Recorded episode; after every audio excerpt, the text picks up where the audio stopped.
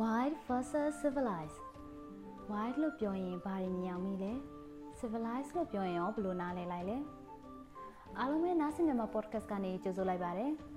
ကျွန်မခုနကပြောတဲ့ wild ဆိုတဲ့စကားလုံးနဲ့ civilized ဆိုတဲ့စကားလုံးကိုကြားလိုက်တဲ့အချိန်မှာခေါင်းထဲမှာအတွေ့အကြုံများပေါ်လာမိသေးလားယင်ပထမဆုံးအနေနဲ့အဲ့နှစ်ခုရဲ့ definition လေးကို dictionary ထဲမှာဘာသာပြန်ထားတဲ့အတိုင်းအကျဉ်းမြင့်လေးပြောချင်ပါတယ် wild ဆိုတာကတော့အားလုံးသိကြတဲ့အတိုင်းတောရင်တရိษံဒါမှမဟုတ်တောရင်တရိษံနေချင်းလက်ကျစားရနေရပါတော့ civilized ဆို civilization ဆိုတာကတော့လူယဉ်ကျေးတွေရှိတဲ့အဖွဲ့အစည်းပေါ့ကျမစီမှာအမြဲတမ်းရှိနေတဲ့မိကွန်းတစ်ခုကခုနကကျမပြောလို့ပဲ wine နဲ့ civil ရဲ့အဓိကခြားနာတဲ့ခြားနာချက်ကပါလဲကျမ personally ရတော့အဲ့နှစ်ခုကြားမှာခြားနာချက်၃ခုတိတိရှိရလို့ထင်တယ်ကျမဒီနေ့အာအဲ့ဒီ၃ခုအကြောင်းဆွေးနွေးခြင်းနဲ့အာတငယ်ချင်းတို့လည်းမတူတဲ့အတွေးအမြင်တွေရှိရဆိုရင် comment ထဲမှာရေးခဲ့လို့ရတယ်နော် ပထမဆုံးတစ်ချက်အနေနဲ့ why နဲ့ silver မှာအဓိကခြားနာတဲ့ခြားနာချက်ကချစ်ချင်းမေတ္တာတရားလို့ကျွန်မထင်တယ်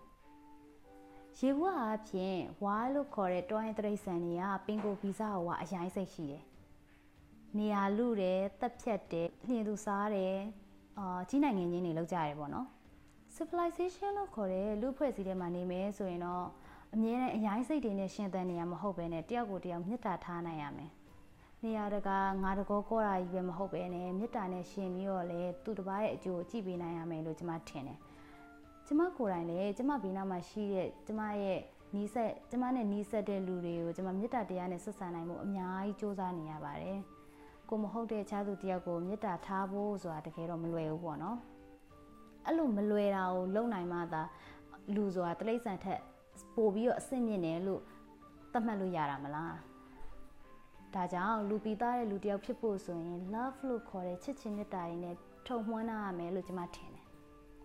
နောက်တစ်ခုကတော့ hiri or tapa လို့ခေါ်တဲ့အချက်တရားတိရစ္ဆာန်တွေမှာအချက်ဆိုတာရှိလို့လားဝစ်စားမပါလို့လေသူတို့ရှက်ရကောင်းမှမသိဘူးလေ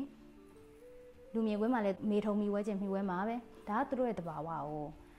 civil society ထဲမှာနေတဲ့လူဆိုလို့ရှိရင်တော့မဟုတ်တာလို့မှရှက်တဲ့စိတ်ဟီရီအော်တပတ်တရားဆိုတာရှိရမယ်လို့ကျွန်မထင်တယ် ချို့ဆိုကျွန်မမြင်မှုတယ်အာနာငွေကြေးယာတို့ကြော်ကြားမှုဒါတွေရဖို့အတွက်ကလိန်ကြတယ်ညစ်တယ်ခိုးတယ်သူတို့ကောင်းတာလို့ရင်အကုန်လုပ်တယ်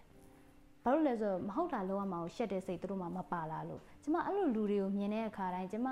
အဲ့လိုလူမျိုးမဖြစ်အောင်စူးစမ်းမယ်လို့အမြဲတမ်းအထက်ထက်သတိပေးမိရဲ့ကိုကိုကိုအဲ့တော့မကောင်းတာကိုမလုပ်ရဲတဲ့မမှန်တာကိုလောက်ရမှာရှက်တဲ့စိတ်ရှိတဲ့လူတွေနေထိုင်မှသာ civilization အစ်စ်ဖြစ်မယ်လို့ကျမယုံကြည်တယ် ကျမခုနကပြောလိုက်တဲ့မေတ္တာနဲ့ hiri or tapat တရားကိုဖြစ်လာစေတဲ့အခြေခံအကြောင်းရင်းကတော့ဉာဏ်ပညာပဲဉာဏ်ဉာဏ်နဲ့မဖြစ်ဖို့တော့လိုတာပေါ့နော်အမှန်အမှားအကောင်းဆိုးအကျိုးအကြောင်းဝေဖန်ပိုင်းခြားနိုင်တဲ့လက်နက်ကသာလင်တလိษံတဲ့လူဆိုပြီးတော့ပြက်ပြက်တသားပိုင်းခြားလိုက်နိုင်တာဖြစ်တယ်စစ်မှန်တဲ့ဉာဏ်ပညာရဖို့ငုတ်တုတ်ထိုင်နေုံနဲ့တော့မဖြစ်နိုင်ဘူးမလား